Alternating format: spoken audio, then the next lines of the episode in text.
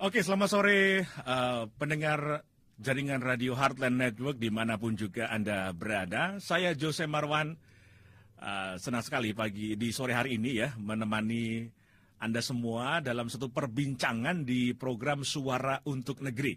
Ini satu program yang kita desain juga disiarkan di radio Heartland Network dan juga mengupas berbagai hal yang menjadi perbincangan juga di negara kita, di negeri kita. Dan juga kita ingin juga mendengarkan, tidak hanya dari sudut pandang Jakarta katakanlah, tetapi juga suara-suara dari daerah ya.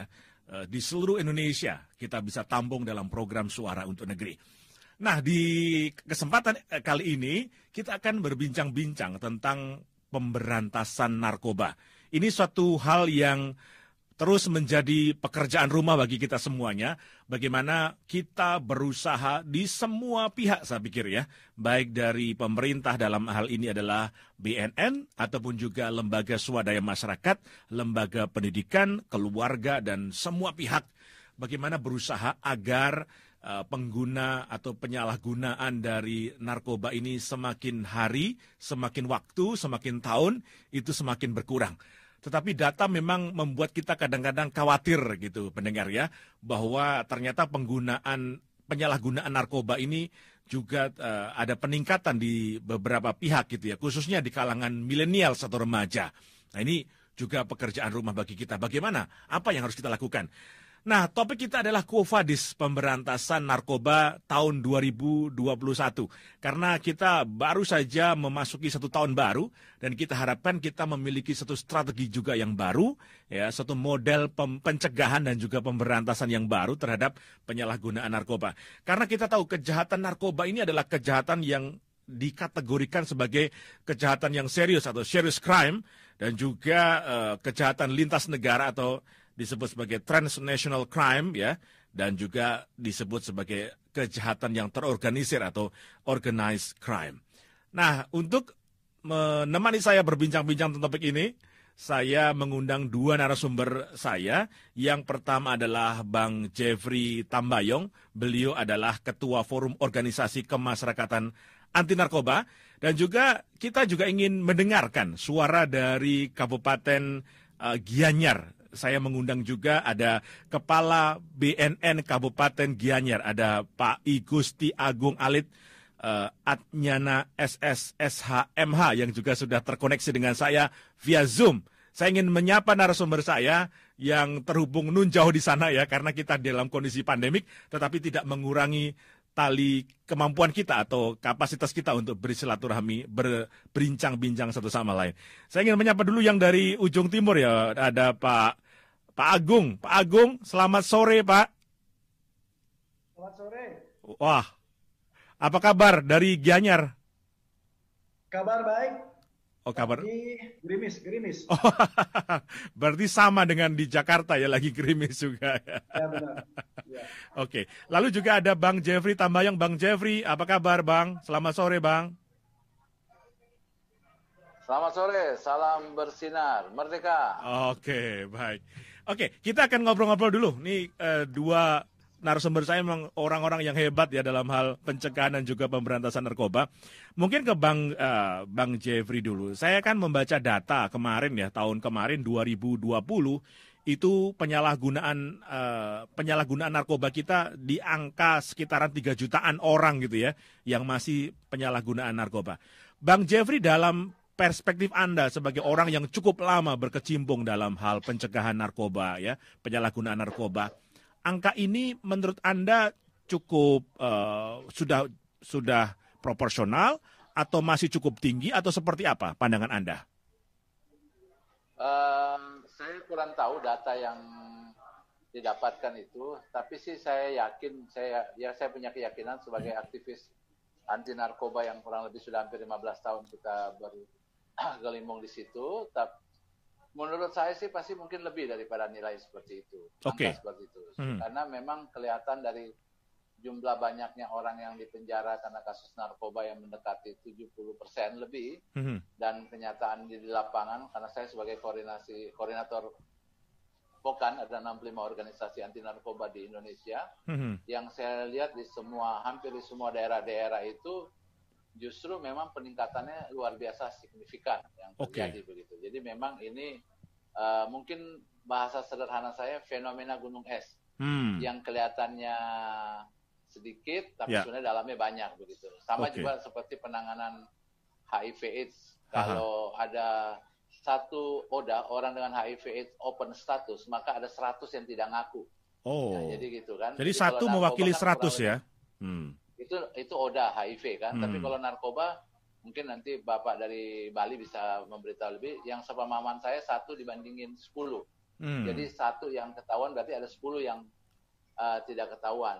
Jadi waktu saya empat tahun yang lalu kurang lebih bikin makalah dengan man- almarhum Bapak Profesor Dadang Alwari, Mhm. salah satu pakar narkoba. Saya ada di, di tim te- tersebut di Kementerian Sosial. Ya. Beliau mengatakan data yang ada di BNN, dia bilang 10 kali lipat sebenarnya masyarakat yang Oh. ada begitu. Itu yang Oke. di- statement. Makanya di bukunya waktu itu masih Ibu Kofifa sebagai Menteri Sosial sebelum Ya. jadi gubernur. Ya. Di bukunya statementnya beliau itu ada di situ. Jadi Oh. data yang ada itu 10 kali lipat. Jadi artinya melihat hal ini tentu ke mana arah Gofadis daripada narkoba ini memang perlu penanganan yang sangat-sangat serius dari hilir ke hulu. Itu dulu Om Yosef. Oke, baik. Bang Jeffrey mau mengatakan bahwa ada kondisi yang sangat serius sekali dengan eh, jumlah atau data yang mungkin belum juga terbaca gitu ya, karena gunung es tadi, fenomena gunung es.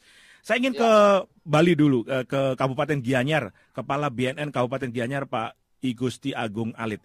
Pak Agung, ini kalau di Gianyar sendiri, eh, tahun kemarin Pak kita coba melihat melihat masa lalu 2020, sejauh mana sebenarnya upaya eh, pencegahan dan juga penanganan pemberantasan eh, narkoba penyalahgunaan narkoba di sana, Pak.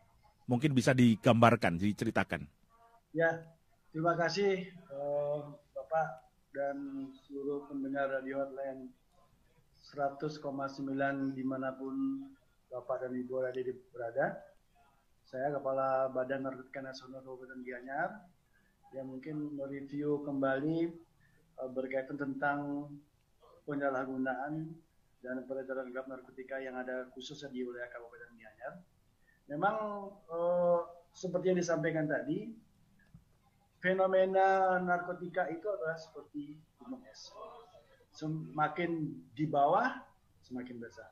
Nah kita selaku aparat negara yang ditugaskan khusus untuk melakukan pencegahan dan pemberantasan peredaran gelap narkotika, Ya. khusus kami yang ada di wilayah Kabupaten Gianyar, eh, tahun 2020 sudah eh, berhasil melakukan pengungkapan pengungkapan. Hmm. Kenapa? Mungkin sudah diketahui bersama bahwa penyalahgunaan narkotika itu beda dengan eh, orang yang mengalami sakit kepala, sakit pusing gitu ya. Ya. Kalau penyalahgunaan narkotika dia kan tidak pernah mau mengaku atau bilang bahwa dirinya penyalahguna narkotika, Ya. kecuali dia itu berhasil eh, ditangkap eh, Hmm. pada saat operasi ataupun dia melaporkan dirinya sebagai pecandu narkotika, baru Hmm. itu ketahuan. Mhm. Itu bedanya orang sakit kepala dengan pecandu narkotika. Iya, iya. Kalau orang sakit kepala sakit langsung ke dokter. Ya. Kalau ini pecandu narkotika diam saja. Nah seperti Oh. itu. Akhirnya tahun 2020 kami melakukan pengungkapan. Ya kalau kita tidak angkat eh, fenomena gunung es ini ke permukaan, Ya. tidak akan muncul permasalahan atau kasus narkotika yang ada di wilayah-wilayah. Nah, tahun 2020 ya kami berhasil melakukan pengungkapan kasus penyalahgunaan narkotika sebanyak tiga kasus kami lakukan pengungkapan. Tiga kasus ya. Ya tiga kasus. Ini polanya samakah kasus-kasus ini atau ada keunikan atau ada yang eh, beda nih Pak Pak Gusti? Uh, pola atau modus yang uh, dilakukan oleh pengedar penyalahgunaan narkotika itu ya tidak ada perubahan modusnya sama. Hmm. Karena mungkin ya mereka ini bukan dari uh, bandar besar ya, Hmm. atau mungkin uh, uh, pemain-pemain internasional Ya. kan sehingga modus dan pola yang dipakai itu uh, hampir sama dengan tahun-tahun sebelumnya. Oke. Sama ya, gitu ya. Iya, sama. Nah, ya. Ini ini kan Gianyar adalah salah satu kabupaten di antara beberapa kota dan juga kabupaten lain di di Pulau Dewata ini di Pulau Bali. Sebenarnya kalau di Gianyar sendiri uh, pemetaannya seperti apa, uh, Pak Agung? Apakah dalam kondisi zona merah katakanlah seperti itu atau memang masih bisa ditoleransi kondisinya di sana? Nah, terima kasih dari hasil pengungkapan kami. Jadi dapat saya petakan bahwa hampir seluruh kecamatan Kabupaten Gianyar itu ada. Waduh, oh ya, hampir semua. Hampir, hampir. Hmm. hampir. Artinya uh, ada berapa yang sebagai pengguna, tapi dia tidak menggunakan di daerah Gianyar hmm, hmm, hmm, atau dia menggunakan di daerah lain. Yeah. Tapi uh, dari informasi-informasi yang kami dapatkan di lapangan yeah. ada beberapa orang yang menggunakan. Tapi sifatnya penggunanya itu masih rekreasional atau situasional. Ya, ya, ya. Bukan ya. merupakan pecandu berat atau sebagai pengedar bukan. Hmm, hmm. Oke. Nah, Bang Jeffrey ini menarik. Saya ingin uh, ya. ya karena uh, mungkin Bang Jeffrey banyak uh, apa ya pengalaman juga dalam hal bergaul dengan mereka yang pernah menggunakan narkoba dan sebagainya. Sebenarnya pintu masuknya dan ini juga menjadi kewaspadaan sebenarnya kepada keluarga ataupun juga anak-anak remaja kita. Pintu masuknya apa? Tadi kalau dari uh, statement dari Pak Agung tadi mengatakan kan ini bukan uh, ya mungkin iseng-iseng atau mungkin bukan kecanduan yang akut dan sebagainya. Pak? Ya, baik. Uh, terima kasih. Jadi menurut saya yang saya pelajari dari karena kami juga ada rehabilitasi, rawat inap dan rawat jalan. Walaupun kami lebih banyak fokus ke rawat jalan karena kapasitas tempat kami juga terbatas. Yeah. Ya. Uh, yang saya lihat bahwa anak-anak ini pecandu-pecandu narkoba ini mengalami yang namanya masalah komunikasi di keluarga. selain lifestyle ya, selain gaya hmm. hidup. Hmm. Tapi yang paling banyak anak-anak ini kena narkoba ini mereka punya masalah dengan keluarga. Hmm. Terutama, mohon maaf, yang diselidiki itu dengan pihak bapak. Oh. Jadi jadi pernah ada penelitian, saya lupa dari sisi dari mana itu diperkirakan 80 persen, 75 sampai 80 persen pecandu narkoba itu punya masalah di rumah tangga yang dengan bapak. Hmm. Jadi artinya mereka kecewa dengan papanya, mereka kecewa dengan ayahnya. Padahal kan hmm. dalam filosofi ayah adalah sumber, bapak itu adalah sumber. Kalau sumbernya baik, pasti alirannya juga baik begitu. Nah, hmm. ketika hmm. sumbernya tidak baik, kapan bukan ayahnya berarti perampok atau apa? Tidak. Tapi ayah-ayah yang sering kali kalau uang mungkin dikasih, fasilitas dikasih, tapi tidak punya waktu untuk ngobrol sama anak, hmm. tidak punya waktu untuk bisa apa bermain sama anak. Inilah yeah, menjadi yeah yang saya lihat penyebab utama. Yeah. Sehingga banyak anak-anak itu kalau pulih, ada beberapa anak rehab kita nggak mau pulang ke rumah. Kenapa? Karena mereka takut ke rumah. Kenapa? Nanti ketemu monster. Saya bilang, siapa monsternya? Bapaknya. Yeah. Artinya yeah. dia mereka, wah bang, kalau saya ke rumah pasti relapse lagi nih saya bang. Kenapa? Waduh, bapak saya udah begini, begini, begini. Artinya, mm -hmm. makanya mm -hmm. beberapa kali pembinaan kami dalam pembinaan apa aftercare ataupun sebelum pembinaan pecandu kami selalu mau berbicara dengan keluarga dan kami minta keluarga bekerja sama dengan kami untuk sama-sama menangani anak penyalahguna ini, anak pecandu narkoba ini. Oke. Okay. Sehingga ketika mereka di apa dipulihkan, mereka tidak relapse, tidak kambuh kembali. Oke. Okay. Karena cenderung sekarang ini tingkat relapse anak-anak ini cenderung kuat karena mm -hmm memang salah satunya lifestyle gaya hidup. Jadi kalau nggak pakai narkoba kayaknya nggak nggak bisa on atau segala macam. Tapi yang paling utama adalah keluarga. Makanya kami membicarakan keluarga adalah benteng utama dari bahaya penyalahgunaan narkoba. Hmm. Lalu yang kedua adalah yang kedekatan dengan Tuhan. Yeah, yeah. banyak anak-anak yang tidak punya hubungan yang baik dengan Tuhan, baik mungkin dia apa uh, agama apa pun, ini cenderung lebih gampang kena. Makanya oh. salah satu pembinaan kami adalah Walaupun dalam rehabilitasi banyak metode-metode 12 langkah dan yeah, lain sebagainya, yeah, NT yeah. dan lain sebagainya. Yeah. Tapi kami membangun satu komunikasi untuk mereka punya kedekatan dengan Tuhan. Oh. Jadi keluarga pulih dan dekat dengan Tuhan. Nah ini menjadi sesuatu uh, basic yang paling kuat. Baru hmm. lingkungan. Dan anak-anak itu kami punya program namanya NTC, Miracle hmm. Touching Community. Hmm. mentoring dan fathering. Ingat, hmm. anak uh, kita harus sepakat bahwa penyalahguna pecandu ini adalah korban. Yeah, Tapi yeah. mereka ini kalaupun udah sembuh bisa relapse kembali. Bagaimana supaya mereka nggak relapse? Karena mereka gembira sedikit mm -hmm. bisa relapse, mm -hmm. mereka sedih sedikit bisa relapse. Bagaimana dalam satu setengahnya? Jadi itu yeah, fungsinya yeah. mentor. mentor itu bisa tokoh agama, bisa kakak kakak rohani, bisa siapa pun. Keluarga sendiri bisa harus jadi mentor bagi Ya. anak-anak ini. Jadi itu yang saya lihat, yang saya pahami ya, begitu Pak Yose. Baik, terima kasih Bang Jeffrey. Eh, saya tertarik eh, Pak Agung, nih kalau tadi eh, apa yang disampaikan Bang Jeffrey Tambayong ya, menjadi gaya hidup. Apakah Anda juga menemukan atau mencium eh, fenomena ini juga di Kabupaten Gianyar? Artinya eh, lalu narkoba menjadi gaya hidup ya, menjadi apa? tools untuk pergaulan satu sama lain. Bagaimana pandangan Anda Pak Agung? Ya kalau menurut saya memang betul eh, pemakaian narkotika itu kan karena eh, satu eh, kita lihat sifat narkotika itu kan ada tiga. Hmm. Eh, habitual, kemudian eh, toleran, Hmm. adiktif. Nah, adiktif satu lagi ya. Mhm. Ketiga sifat narkotika ini, kalau memang orang memulai menggunakan, dia akan terbawa oleh tiga sifat narkotika ini. Oh. Kalau di wilayah Gianyar, ya, saya bi- bicara tentang di wilayah Gianyar, memang eh, lifestyle ataupun Gaya orang hidup. menggunakan narkotika itu sifatnya masih eh, rekreasional, Hmm. tidak merupakan eh, sebagai pecandu berat atau eh, adiksi sekali tidak, Hmm. masih taraf eh, tahap rekreasional Ya, ya. atau situasional Mhm. hanya menggunakan eh, sekali seminggu atau mungkin tiga minggu sekali atau bahkan sebulan sekali Ya, ya. tergantung mungkin keadaan keuangan mereka Hmm. kalau ada yang mengajak yang punya eh, uang lebih yang mereka menggunakan Oke. seperti itu Nah, Kak, itu ya Pak Agung kalau dalam kondisi atau katakanlah anak-anak seperti ini yang masih rekreasional, situasional gitu, menurut Anda kira-kira pencegahan yang paling efektif seperti apa ke mereka ini ya Pak Agung ya? iya kami kan artinya punya eh, anggota untuk melakukan pemetaan Hmm. kalau ada masyarakat pengguna tahap rekreasional Ya. atau situasi- situasional, ya kami menerima mereka memberikan fasilitasi Ya. rehabilitasi rawat jalan di Oke. kantor kami. Nah di BNK Gianyar kan menerima rehabilitasi rawat jalan.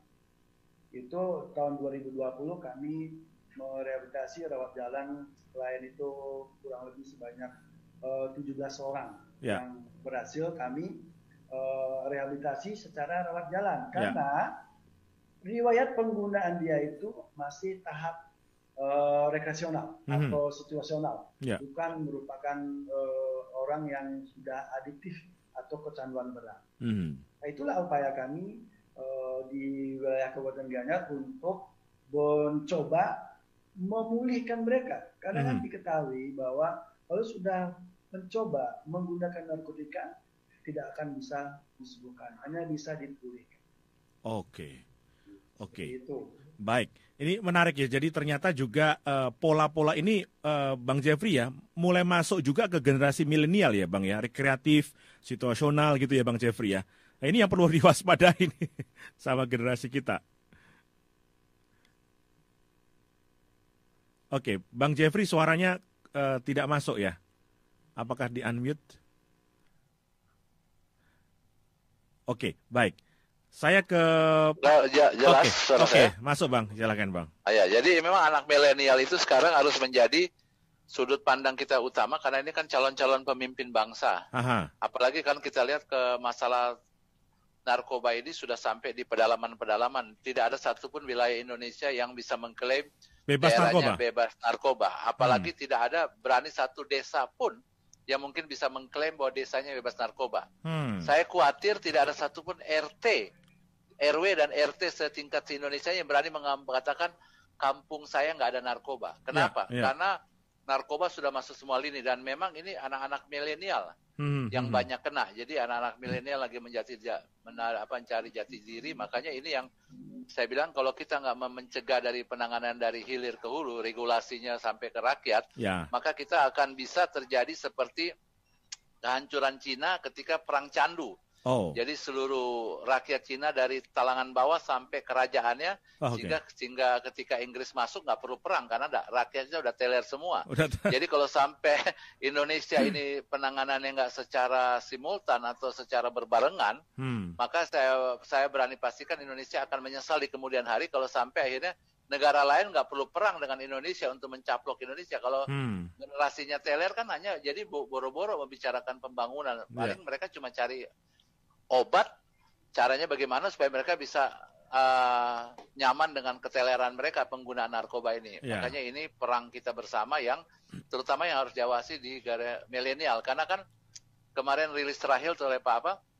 Pak Arman Depari, Pak Krisno Siregar yang menarik di tahun 2020 akhir peningkatannya uh, data tangkapan segala macam itu bisa dua kali lipat. Hmm. Betul. Padahal itu orang banyakkan di rumah. Ternyata orang di rumah justru mungkin banyak yang stres, penggunaan narkoba jauh meningkat. Nah ini yang Oh. memang ber- perlu di apa diperhatikan dan Ya. terutama di kalangan kalangan anak-anak milenial begitu. Oke, Anda mengatakan ini perlu eh, penanganan yang simultan. Apakah itu lalu yang menjadikan terbentuknya katakanlah forum organisasi eh, kemasyarakatan anti narkoba ini? Ada tadi Anda mengatakan 65 ya, 65 organisasi Ya, gabung gitu ya. 65 organisasi. Ini supaya Ya, ada kan- kesinergian gitu ya. Ya betul. Dulu kami kan dibentuk waktu dari zamannya Pak Goris, Pak Anang Iskandar sampai hari ini kita terus bergerak Hmm. di P4GN pencegahan, pemberantasan, penyalahgunaan dan perdagangan gelap narkoba. Hmm. di seluruh Indonesia. Jadi kita uh, swadaya sendiri bekerja sama dengan BNN, dengan polisi, dengan TNI dan Polri, dengan sekolah-sekolah. Kita mengadakan penyuluhan-penyuluhan dan sekarang ini pun kami lagi uh, apa mengatur untuk penyuluhan di beberapa sekolah-sekolah menggunakan Zoom. Jadi Oh, virtual ya. penyuluhan virtual menggunakan virtual dengan Zoom atau Google Meet atau apalah Hmm, kita mhm. menggunakan Ya. segala sarana supaya ini bisa ada semangat tetap ada sehingga walaupun mereka di rumah mereka mendapatkan edukasi tentang narkoba. Karena apa? Karena ternyata di, di lagi kondisi Covid ini justru herannya pemakaian narkoba tambah banyak. Nah. Itu dia Pemakaian ya. narkoba yang ditambah tambah banyak gitu. Pengungkapan kasus-kasus narkoba oleh BNN maupun Polri itu tambah banyak begitu. Nah ini kan Hmm. berarti pergerakan kita pun nggak boleh santai. Hmm. Kita bukan hanya kita memang harus fokus untuk penanganan COVID penyebaran, tapi harus juga fokus dalam penyebaran masalah narkoba ini.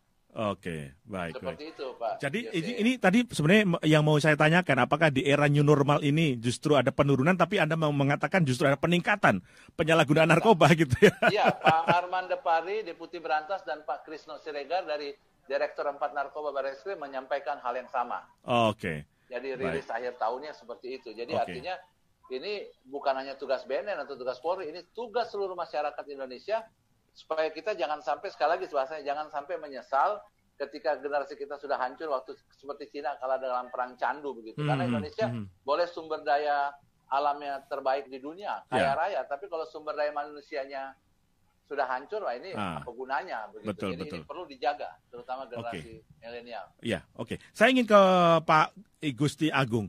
Pak Agung, eh, tadi statement dari Pak Jeffrey adalah tidak ada satu desa pun yang bisa mengklaim bahwa mereka bersih dari narkoba. Saya membaca rilis Anda, rilis dari BNN Kabupaten Gianyar eh, tahun kemarin, di akhir tahun kemarin, itu salah satu yang juga disampaikan ada namanya Desa Bersinar tahun 2020, tetapi juga persiapan Desa Bersinar tahun 2021 ada desa bersinar tahu ada tujuh desa ya Bukian, Batuan Kaler, Bedulu, Petulu, Sanding, Sebatu, Sidan, dan juga ada delapan desa lainnya yang rencananya juga dipersiapkan untuk menjadi desa bersinar. Mungkin Anda bisa menceritakan di sini apa strategi Anda? eh, ini kan desa ke desa akhirnya gitu ya. Apa Ya. strategi Anda dan eh, kenapa ini ditempuh? Ya, terima kasih. Ini salah satu strategi kami di Kabupaten Gianyar untuk melakukan pencegahan dari awal, lebih dini. Seperti disampaikan tadi, memang tidak ada satu desa pun yang bisa mengklaim wilayahnya bebas dari narkotika. Hmm, Ini cara kami, strategi kami untuk melakukan pencegahan secara dini.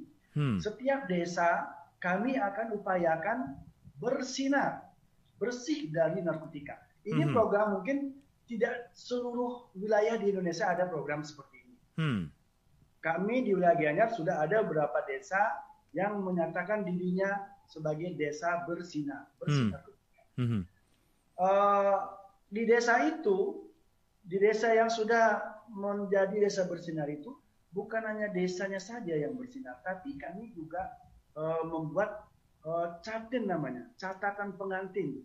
Oh. Nah, orang yang kawin atau mau nikah itu, dia harus bebas narkotika dulu. Oh gitu. Desa itu. Jadi ya. Anda mengurusi perkawinan juga akhirnya?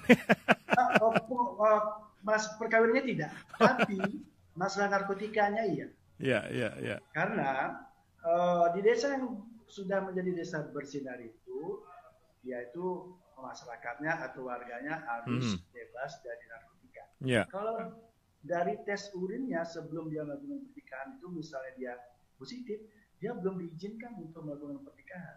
Iya. Nah makanya di situ ada namanya catin, catatan pengantin. Iya, iya. Seperti itu. Nah, di samping itu kami juga eh, melakukan upaya-upaya sosialisasi informasi kepada seluruh komponen masyarakat dari instansi pemerintah, dari dunia pendidikan, swasta, mhm. eh, lingkungan masyarakat, itu pun juga dunia perkampusan. Hmm, Nah, hmm. kami di Kabupaten Ganjar mungkin maaf tidak semua wilayah punya program seperti yang kami lakukan adalah kampus bersinar Hmm. kemudian eh, sekolah-sekolah bersinar, Iya, iya, iya. desa bersinar. Oke. Itulah eh, strategi kami tahun 2020 ataupun tahun 2021 ini untuk melakukan pencegahan lebih awal atau lebih dini terhadap eh, masyarakat baik itu dari generasi milenial ataupun Oke. dari penduduk yang eh, warga yang masih produktif. Nah, itu yang Ya. kami strategi yang kami lakukan tahun Ya. 2020 dan 2021. Pak Agung, kalau saya baca dari strategi yang Anda sampaikan, saya menangkap Anda menggunakan strategi yang komunal ya, menggunakan ikatan-ikatan komunitas ya, misalnya desa, kampus, kemudian juga keluarga, bahkan tadi spesifikan lebih ke pasangan hidup ya, suami dan istri. Ini strategi-strategi komunal yang Anda gunakan. Karena mungkin eh, mungkin masyarakat Bali juga dan juga masyarakat Indonesia ini kan masih sangat komunal ya pertetanggaan eh, itu masih bisa saling mengontrol satu sama lain. Jadi mungkin hanya di kota-kota besar sangat individualis, tapi kalau di eh, daerah-daerah masih komunitas itu masih penting sekali. Anda menggunakan kekuatan itu untuk juga eh, mengontrol supaya tidak ada peredaran narkoba atau penyalahgunaan narkoba. Kira-kira begitu ya Pak Agung ya? Iya betul. Kami membuat program seperti itu untuk memproteksi yang bersangkutan, Hmm. untuk membentengi dirinya supaya tidak terpengaruh oleh penyalahgunaan narkotika. Sehingga pada saat eh, di sekolah eh, dilakukan eh, sekolah bersinar, di kampus kampus bersinar, mereka tuh saling mengingatkan, Ya. saling memberikan informasi, Hmm. saling mengedukasi. Kamu jangan menggunakan itu tidak baik, jadi Ya. bahayanya seperti Jadi teman mereka sendiri yang mengatakan itu ya Pak Agung ya? Iya. Hmm. Nah, kami pun juga dari dini kami sampaikan, kami punya Durancil namanya. Hmm. Kita relawan anak kecil yang terdiri dari anak-anak SD. Hmm. Nah, da- makanya kami melakukan pencegahan itu dari awal, lebih dini kepada anak-anak sekolah dasar, sekolah Oke. SMP. Ya. Nah, mereka kami jadikan relawan penggiat untuk memberikan informasi kepada teman-temannya. Namanya Duta Relawan Anti Narkotika Anak Kecil, Durancil. Nah, Ya. itulah yang strategi yang kami lakukan. Kami sentuh semua eh, elemen maupun komponen yang ada di masyarakat, baik dunia pendidikan, swasta maupun dari eh, instansi pemerintah. Oke, Bang Jeffrey, saya terinspirasi juga. Eh, mungkin juga Anda menerapkan juga pola yang sama. Tetapi kalau kita bisa perbincangan ini lebih serius ya, pendekatan-pendekatan komunitas atau komunal, barangkali ini juga menjadi eh, apa ya pekerjaan rumah kita juga untuk kita endorse, untuk kita perkuat di tahun 2021 ini. Karena kan katakanlah tidak teman ya mengingatkan teman sendiri ya, itu ada kedekatan, ada role model yang dekat gitu, yang tidak perlu jauh. Kalau katakanlah eh, BNN itu kan mungkin dengan warga wah jauh banget tapi kalau teman sendiri yang meng- mengatakan itu jangan pakai narkoba ini dan sebagainya itu akan eh, memiliki pengaruh atau dampak yang lebih besar pandangan anda seperti apa bang Jeffrey Saya se- sepakat sekali untuk hal itu. Jadi kami kan sendiri kayak seperti Vokan ini kan ada 65 organisasi. Contoh ada beberapa organisasi yang komunitas. Ada komunitas contoh motor, Ya. BFAD, Biker Fight Against Drugs gitu yang Mhm. dikomandoi oleh Bapak Ivan Falabamora itu. Kurang lebih di situ ada sekitar 100 sampai 120 komunitas. Hmm. Nah, uh, motor big engine sama small engine. Jadi Mhm. anak-anak yang pencinta motor anti narkoba. Jadi juga kita ada komunitas pencinta kucing, pencinta Oh. anjing dan segala macam. Juga Jadi masuk di sana. Hmm. Iya, komunitas-komunitas itu maka kita rangkul semua komunitas Ya. walaupun seperti uh, SIP, Seniman Indonesia Bersatu, Ah. ada pencinta pariwisata.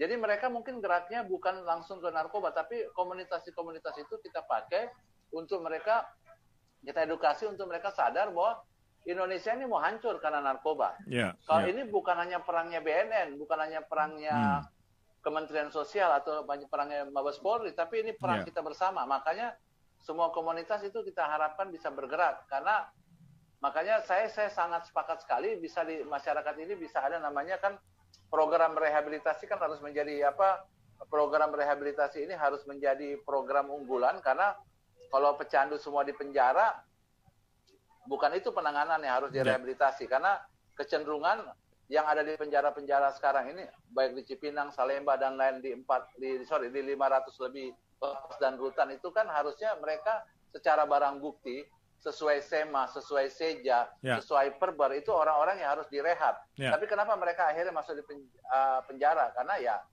tentu ada kesalahan. Nah, ini pun harus diperbaiki. Tapi kembali lagi tentang komunitas, komunitas-komunitas ini bisa dipakai seperti sekarang kan rumah sakit penuh karena COVID. Ya. Akhirnya isolasi mandiri. Nah, ada juga harus dibikin rehabilitasi mandiri. Oh. Rehabilitasi yang berbasis masyarakat. Mhm. Itu fungsinya. Mulai dari tokoh-tokoh agama di brainstorming. Ya. Agama Hindu, Buddha, Kristen, Konghucu, apa pun mereka tokoh agama, ini saatnya mereka mengerti bahwa pecandu-pecandu narkoba ini kalau semua ditaruh di BNN, di Kementerian Sosial, di rehabilitasi, di PWL, Penuh. pasti nggak muat. Ya. Nah ini butuhkan karena kan uh, pan- uh, rehabilitasi pecandu-pecandu di Indonesia BNN paling hanya 10 ribu, Kementerian Sosial dengan IPWL-nya hanya 20 ribu, Ya. sedangkan jumlah pecandu aja kan katakanlah kalau kita pakai data 3 juta, tapi yang adiksi katakanlah yang udah ketergantungan 1 juta. Ya. Satu juta orang aja nggak bisa nggak bisa direhab, hanya Mhm. kemampuannya hanya mungkin sekitar 20 sampai 30 ribu. Nah inilah komunitas-komunitas itu diba- dibahas tentang bahaya narkoba, mereka anti narkoba, tapi mereka juga harus siap merehabilitasi setiap pecandu-pecandu narkoba itu supaya mereka jangan salah penempatannya. Oke. Dan penempatannya apa? Kalau memang kalau memang panti rehab sudah penuh, bawa ke masjid, ke wihara, ke ke gereja, ke mana-mana, tokoh-tokoh agama dan komunitas. Ini yang saya mau katakan ke Pak Bang Yose dan Ya. semua pendengar radio headline di mana pun ada berada. Ingat, bukan aib kalau ada orang kena narkoba. Mereka Hmm. adalah orang yang sakit yang harus diobati. Hmm. Nah, tentu kalau memang udah rumah sakit penuh, ya pasti lagi. Mhm. Karantina mandiri, rehabilitasi mandiri, Ya.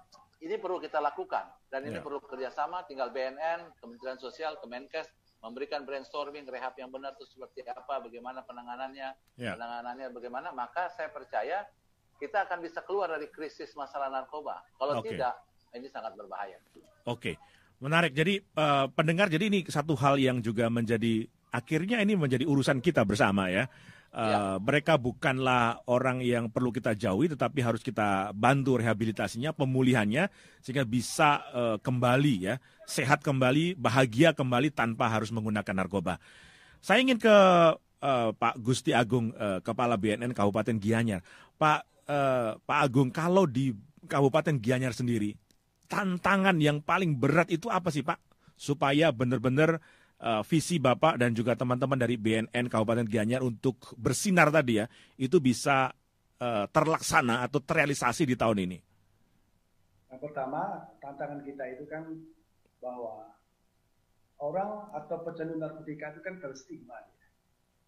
Jadi dia akan sulit untuk mendatangi fasilitasi yang disiapkan oleh pemerintah untuk melakukan rehabilitasi atau uh, pemulihan. Ya.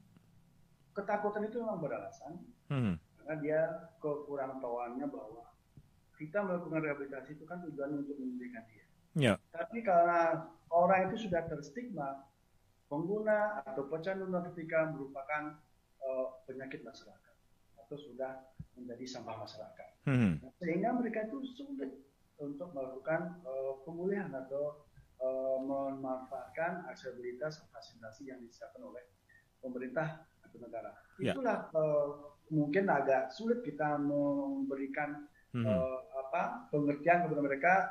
Ayo rehabilitasi, Hmm. ayo uh, dipulihkan, kami akan bantu. Itu Ya, merupakan ya. ya sa- salah satu kesulitan kita Mhm. untuk melakukan pemulihan rehabilitasi kepada pecandu-pecandu narkotika yang ada Mhm. di wilayah kami. Mhm. Mhm. Kemudian berkaitan tentang desa bersinar, ini kan kalau di Bali, di Gianyar ya, katakan bahwa di desa itu ada namanya eh, desa adat dan desa dinas gitu ya. Ya. Ya, eh, kalau di Bali di Gianyar itu desa dinas itu dikepalai oleh eh, kepala desa gitu. atau istilahnya perbekol itu namanya Mhm. Mhm. atau lurah gitu ya. Tapi kalau di desa adat itu kan namanya ketua atau ketua desa adat itu istilahnya kami itu dan desa adat. Ya. Di dalam rangka mewujudkan desa bersinar itu harus ada sinergitas, Hmm. sinergitas antara dinas dan adat. Oh. Karena salah satu komponen untuk terciptanya atau terwujudnya desa bersinar harus ada aturan atau ketentuan yang memuat larangan atau sanksi yang diberikan kepada salah satu warga atau masyarakat di desa itu apabila menyalahgunakan narkotika. Mhm. Sanksi atau aturan yang ada di desa eh, bersinar itu namanya perarem Pararam, ya. awik atau kalau di normatifnya itu undang-undang ya. Mhm. Kalau Mhm. normatifnya kan undang-undang 35 tahun. 2009. Nah kalau di desa adat itu namanya uh, awik-awik atau perarem. Ya. Nah di perarem atau awik-awik itulah memuat tentang eh, larangan atau sanksi, denda dan sebagainya apabila salah satu warganya menyalahgunakan narkotika. Itu Hmm. yang eh, eh, apa yang harus disiapkan oleh eh, satu desa apabila desanya ingin bersinar bersih dari narkotika. Ya, ya, ya. Jadi Pararam ini sudah berjalan ya Pak Pak Agung ya?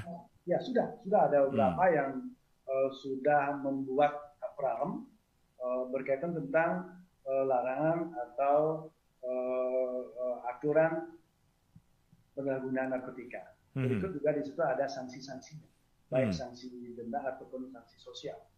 Boleh tahu Pak Agung kira-kira kalau sanksi sosialnya seperti apa sih kalau di Gianyar Pak? Kalau sanksi sosialnya itu ya seperti misalnya membersihkan tempat ibadah. Oh, seperti itu Uh, Oke. dan ada juga sanksi sosial yang ya mungkin uh, untuk namanya di Bali itu ngayah pak Ya. ngayah istilahnya atau uh, membantu uh, mengerjakan sesuatu secara sukarela ya, ya, ya. itu sanksi uh, sosial Baik. Jadi ini juga menggunakan kekuatan-kekuatan adat, Pak ya, kekuatan Iya, budaya untuk bisa melakukan pencegahan terhadap penyalahgunaan narkoba ya. iya betul, betul. Oke, menarik sekali.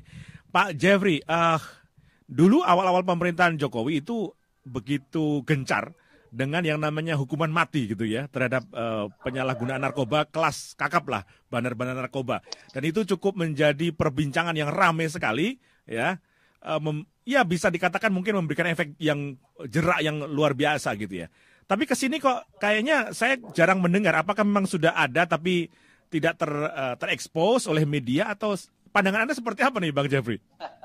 Ya, artinya agak sensitif sebenarnya ngomong masalah ini. Karena saya habis saya pimpin demo di Kejaksaan Agung untuk tembak mati bandar narkoba, Ah. saya dibombardir di berbagai, berbagai pihak dengan di- dianggap tidak punya rasa peri kemanusiaan, Hmm. tidak Hmm. menghargai hak asasi manusia. Ya.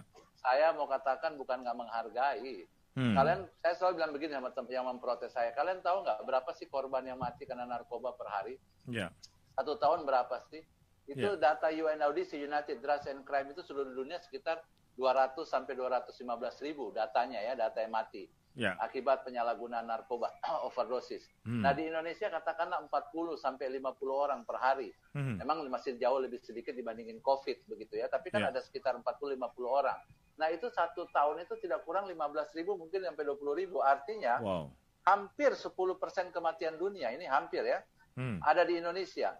Dan Hmm. itu pernah berpikir nggak ada 15 ribu keluarga, minimal 10 ribu keluarga yang kehilangan anaknya berarti hak asasi manusianya mereka terampas oleh para Oh. bandar-bandar narkoba. Oke. Hukuman yang tertinggi di Indonesia kan adalah hukuman mati. Hmm. Kalau mau dirubah seperti beberapa negara tidak ada hukuman mati menjadi 200 tahun, 300 tahun, silakan. Hmm. Tapi selama hukum itu tidak ditegakkan, makanya Indonesia ini salah satunya dianggap surganya para bandar. Kenapa di surga para bandar? Karena bayangkan ada kasus-kasus hukuman mati bisa tiga dua sampai tiga kali bahkan empat periode. Jadi sudah dihukum mati, ketangkap lagi hukuman mati, ketangkap karena dari penjara menjadi salah oh. satu tempat yang paling aman untuk mengendalikan narkoba. Ya, ya, nah ini ya. kan menjadi apa sehingga bukannya Pak Menteri tidak baik, Menteri Kementerian pasti baik, tapi kan pasti ada oknum-oknum yang bermain. Ya, oknum-oknum ya. bermain kenapa? Karena masalah uang. Karena yeah. uang yang berada di narkoba itu kurang lebih bisa hampir 100 triliun katakanlah. Yeah. Walaupun yeah. ada salah satu orang ikatan dokter yang mengatakan dia penelitian dia secara pribadi namanya dokter Bambang, hmm. dia bilang tidak kurang 200 sampai 300 bang. Oke lah kita ambil yeah. data pemerintah yang hampir 100 triliun. Jadi uang ini unlimited money, uang hmm. yang tanpa batas ini untuk mengendalikan banyak hal. Yeah. Kenapa ini bisa terjadi? Karena ya itu dia tidak adanya ketegasan. Polisi, BNN sudah tegas. Mm-hmm. Kejang apa sudah hukuman sudah jelas, tapi eksekusinya ada yang udah 15 tahun, ada yang udah 20 tahun. Yeah. Kalau mau rubah, tidak hukuman mati ya rubah. Hmm. Di apa di undang-undang itu dirubah jadi tidak ada hukuman mati demi kemanusiaan supaya kita nggak di, diblokir sama apa Uni Eropa, tidak diblokir oleh Tapi kalau di Cina mereka berani dengan oh. tegas mereka punya kedaulatan segala macam. Ya. Makanya yeah. saya pun berharap mudah-mudahan ada uh, bapak-bapak uh, kita yang terhormat di kejaksaan segala bisa mendengar ini ini demi menyelamatkan anak bangsa harus tegas hmm. atau ada anggota komisi tiga yang mendengar ini kalau mau merubah rubah undang-undang undang sehingga ada kejelasan ada ketegasan jadi yang kelemahan di titik kita ini polisinya udah tegas BNN udah tegas pengadilan udah tegas tapi eksekusinya nggak tegas hmm. dan di dalam itu seperti bukan rahasia umum lagi walaupun Menteri Hukum dan HAM sekarang ini dengan Dirjen Pasnya Bapak Renhat Silutonga cukup tegas dengan antara bandar-bandar. Hmm. Tapi selama uang yang beredar begitu mudah, yeah. handphone begitu mudah masuk, yeah. Yeah. segala macam, maka kita melihat hal ini, saya melihat kadang-kadang hukuman mati jadi hanya sekedar apa yang tadi sudah bilang sudah tidak ter, nyaris tidak terdengar lagi. Padahal oh. narkoba di Indonesia bukan tambah sedikit. Hmm. Narkoba di Indonesia tambah banyak. Yeah, Bandar yeah. narkoba tambah banyak. Yeah. Nah ini harus kalau saya pribadi dan selaku ketua umum Pokan kami organisasi yang mendukung tindakan tegas. Mm-hmm. Bukan tidak ada kemanusiaan. Kami merehabilitasi petanju pecandu narkoba yang mau meninggal itu karena kami memang mengasihi manusia. Kami mau berobat. Mm-hmm. Tapi kalau hukum tidak tegaskan karena lebih banyak lagi orang yang akan yeah. mati karena narkoba. Yeah, yeah, Harus yeah, tegas. Yeah. Oke, jadi ketegasan itu menjadi salah satu uh, tolak ukur untuk memberikan efek jerah juga ya. Itu catatan Anda ya, Bang Jeng, Jeng, ya, Jeffrey ya. Ketegasan ya, benar dan hmm. Berjalannya paralel. Negara yang salah satu negara yang paling sukses menangani narkoba itu adalah Portugal. Hmm. Dia paralel, dia selain dia tegas. penyuluhan bahaya narkoba hmm. dan dia tegas, jadi seimbang. Hmm. Hmm. Hmm. hmm. Jadi harus seimbang, paralel bersama untuk hal ini. Jangan ada orang bertanya sama saya, Bapak setuju nggak kita dibuat seperti Filipina? Ya kalau memang sudah nggak ada jalan keluar, silakan aja. Cuma memang jangan pecandu yang ditembak. Hmm. Kalau di Filipina kan banyak juga pecandu-pecandu narkoba malah ditembak kan kesepakatan di Bina, oh. kesepakatan di seluruh dunia adalah pecandu itulah korban yang harus direhabilitasi. Bandarnya yang ditembak. Dihukum mati. Hmm. Bandarnya yang dihukum seberat-berat okay. setegas-tegasnya. Ya, Seperti ya, ya, itu. Ya, ya, ya. Jangan bandar malah menguasai di dalam begitu. Akhirnya okay. mengendalikan. Makanya hampir mungkin 60 atau 70 persen narkoba beredar itu dikendalikan dari dalam. Dan okay. ini bukan jadi rahasia umum lagi hmm. sudah menjadi rahasia yang sudah kita tahu bersama. Hmm. Ini kita harus dukung Menteri Hukum dan HAM, kita dukung BNN di kepolisian untuk menyelesaikan ini secara inilah yang saya bilang penanganan dari hilir ke hulu. Hmm. hmm, hmm, hmm. Oke, okay. gitu, Bang. Oke, okay, Bang Jeffrey. Ini catatan kita juga di awal tahun ya 2021, ketegasan dan juga penanganan baik itu uh, pen, uh, apa namanya pencegahannya juga bagus, tapi juga pemberantasan juga harus tegas. Uh, saya ingin ke Pak Pak Agusti Agung, uh, Pak Pak Agung, uh, kalau di tahun 2021 sendiri, kira-kira apa yang akan dilakukan oleh teman-teman dari BNN Kabupaten Gianyar, Pak? Apakah meneruskan program yang lama atau ada terobosan juga, ada inovasi juga? Program yang kami lakukan di tahun 2021 mungkin akan kami tingkatkan. Eh, program yang sudah kami laksanakan tahun 2020 kami akan memperluas atau mengembangkan atau meningkatkan desa-desa itu menjadi desa bersinar. Hmm. Di beberapa uh, desa atau di tahun 2020 itu masih sedikit yang uh, desa kami jadikan desa bersinar. Kami akan lanjutkan program itu dengan mengembangkan. Tahun 2021 akan kami tingkatkan, uh, meluaskan so, uh, beberapa desa lagi akan kami jadikan desa bersinar. Di samping itu uh, kami juga akan uh, 2021 ini uh, menjadikan ada beberapa kampus lagi yang akan menjadi kampus bersinar. Di samping tahun 2020 kami sudah uh, menerapkan kampus bersinar, sekolah bersinar, kemudian tahun 2021 ini akan kami kembangkan lagi sebagai uh, proteksi atau daya cegah, daya tangkal seluruh lapisan masyarakat di Kabupaten Gianyar untuk terbentengi dari penyalahgunaan narkotika. Baik, saya ingin menyapa juga untuk pendengar dan juga uh, masyarakat yang juga menonton dan juga mendengar uh, siaran kita di program Suara untuk Negeri sore hari ini. Uh, ada Pak Sadu Arimba ya, uh, lalu juga Pak Richard Nayoan. Uh, ini titip salam juga ya, bravo untuk Pak Ketua Umum Jeffrey Tambayong ya. Lalu juga ada Jamilah Ayu yang mengatakan BNN Gianyar top untuk melindungi Gianyar bebas narkoba. BNN Gianyar best katanya. Ya. Baik, ini semangat untuk Pak Pak Agung ya dan juga teman-teman. Lalu juga dari Pak Wayan Suartika, sukses selalu BNNK Gianyar, hidup sehat tanpa narkoba. Lalu juga ada Pak Gede Dirgantara, salam sehat tanpa narkoba. Pak Made Sugiarta mengatakan bersama BNN Kabupaten Gianyar kita bisa berantas narkoba. Lalu juga ada Kristianto Hariwidodo, BNN Kabupaten Gianyar Jaya, ya. Ada juga Pak Christian Jatmiko, ya, Pak Ketua Umum Jeffrey Tambayong is the best ya. Semangat Indonesia bersinar.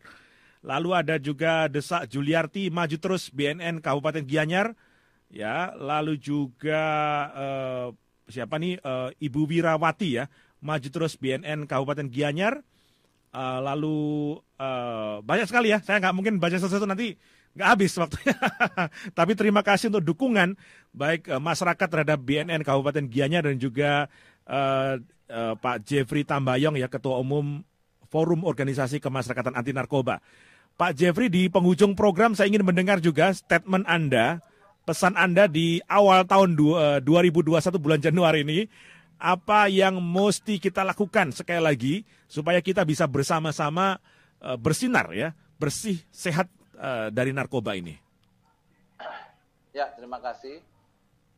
Dengan dipilihnya oleh Bapak Presiden Bapak Petrus Golose sebagai Ketua Umum BNN, saya mengapresiasi uh, beliau yang juga lama jadi Kapolda Bali dan sukses story beliau di Bali bisa diketuk tularkan di BNN. Jadi memang harus dibangun sinergi. Jadi tidak BNN nggak bisa bergerak sendiri. Hmm. BNN harus bekerja sama dengan polisi, dengan uh, stakeholder yang lain, yeah. dan BNN harus beserta, bekerja sama dengan masyarakat. Yeah. Dalam hal ini masyarakat, kalau bisa kami mewakili walaupun banyak organisasi yang lain, bukan hanya 65 organisasi, mungkin ada ratusan organisasi yang lain. Jadi BNN bisa bersinergi dengan kami untuk sama-sama kami bersama-sama diarahkan untuk bagaimana menyukseskan program P4GN. Mm-hmm. Uh, saya kami masih menunggu program-program Pak Kepala BNN yang baru mungkin dalam waktu satu bulan ini bagi fokus ke internal dalam sesudah satu bulan ini Pak Petrus kami harapkan sudah akan terjun ke masyarakat bersama mm-hmm. seluruh ornamen-ornamennya untuk ini tidak lagi bisa eksklusif sendiri, nggak bisa. Yeah, Saya berani yeah. pastikan BNN nggak bisa sendiri. BNN hmm. butuh polisi, butuh TNI, butuh rakyat untuk sama-sama perang terhadap bahaya penyalahgunaan narkoba. Jadi pesan saya di uh, statement akhir ini, jalin terus ada persatuan, yeah. jalin terus sinergi. Karena kan masalah persatuan kan bisa saling uh, kalau bahasa kampung saya Manado, tolong bisa baku tongka. Baku tongka itu saling menguatkan, begitu ya. oh. ya. Jadi saling menguatkan supaya. Tahu saya baku dapa. Juga, baku dapa. Jadi dalam baku tongka ini atau orang baku baku tongka ini sehingga satu dengan lain saling menguatkan. Jadi ya, ketika ya. karena kan juga kita yakin lah anggaran BNN sangat terbatas untuk penyuluhan dan segala Tapi kalau udah masyarakat bersatu ya. sama-sama dengan organisasi-organisasi bersatu untuk anti narkoba, maka mimpi kita untuk Indonesia bersinar, bersih dari narkoba bukan sekedar mimpi, hmm. tapi akan menjadi kenyataan. Jadi unity, persatuan harus ada. Tapi makanya oleh sebab itu saya berharap Pak Petrus segala benih-benih perpecahan atau apa pun itu itu yang sifatnya tidak baik yang itu itu harus disingkirkan karena Hmm. BNN harus membangun persatuan seluruh rakyat Indonesia untuk fight against drugs. Kami siap Oke. dukung Pak Petrus, kami siap dukung Pak Arman Depari, kami siap dukung Pak Puji, semua ornamen-ornamen di BNN lainnya dan juga baik di Bali atau di mana pun seluruh Indonesia untuk fight against drugs. Terima Oke, kasih. baik. Merdeka. Terima kasih Bang Jeffrey. Saya sebenarnya sudah menghubungi juga Pak Irjen Arman Depari untuk bisa join dengan kita sore hari ini, tapi nampaknya sedang sibuk juga beliau ya. Ya, Oke, mungkin next. penangkapan, habis penangkapan. Ya, tadi ada baru rilis dengan Pak Kepala di BNN. Oh ya, Saya pantesan. tadi juga ada di sana, rilis yang berapa? 55 kilo atau 45 kilo, saya lupa. Oke, Penangkapan. baik. Hari ini ada rilis. Baik, Pak Igusti Agung Alit, Kepala BNN Kabupaten Gianyar, silakan Pak statement Anda di awal tahun 2021 ini supaya kita juga bersemangat untuk bersama-sama bersinergi memberantas narkoba, bersinar mewujudkan bersinar di Kabupaten Gianyar. Jadi tahun 2021 ini di era kepemimpinan Bapak Petrus Golose, mantan Kapolda Bali, kita war on the drug. Kita sama-sama memerangi atau berperang melawan narkoba. Yes. Yes. Kami Mantap. lakukan itu mulai dari sekolah-sekolah, uh, itu juga dunia usaha, instansi pemerintah, lingkungan swasta dan sebagainya. Kita bersinergi bersama-sama untuk satu komitmen war on the drug, Ya. perang melawan narkotika. Baik, terima kasih Pak Igusti Agung Alit yang sudah berkenan mampir di program Suara untuk Negeri di Heartland Network. Tetap semangat ya Pak ya dengan teman-teman di BNN Kabupaten Gianyar ya Pak ya. Salam kenal Pak Jeffrey Tambayong. Oke. Siap, Bang. Mohon perintah arahan dari Abang, kami siap merapat ke Bali nanti, Bang. Siap. Oke. Ada banyak acara-acara kami rencana ke Bali, Bang. Pertandingan sepak bola juga anti narkoba kita membuat di Bali, Bang. Nah, Kita hubungin Abang. ditunggu, ditunggu. Ya ya ya. Terima kasih ya Ya, Bang. Bang Jeffrey. Jangan lupa nanti sama Hartan ya Bang ya. Oh, pasti. Om Yose kan satu tim kita, Om. ya dimasukkan juga nih sama teman-teman di Banten ini. Ya, sama Om Jimmy Untayana ya. Oke, saya juga sekali lagi ini menyapa untuk pendengar yang sudah merespons luar biasa banyak sekali. Eh, Pak Tolopan Juniwa, eh, Tolopan Juniwati, Wayan Suar, eh, sorry sudah, Yasinta, lalu juga Henju Ginting, eh, Pak Bambang Santoso, Stephen Johnson ya, Pak Yusmanto, lalu Esther Nada Korobu, Indah Purnama, eh, lalu juga beberapa yang lain. Terima kasih sudah mendukung program ini dan kita bersama-sama bersinergi untuk bisa mewujudkan Indonesia bersinar di tahun 2021. Jose pamit undur dalam program Suara untuk Negeri kita kembali besok di program yang sama dan waktu yang sama dengan topik yang berbeda. Keep on growing, never give up. Smart Speakernya orang Indonesia yang hadir memberikan solusi untuk membantu para orang tua memberikan agama Islam. Mulai dari menghafal doa, membaca Al-Quran, hafalan surat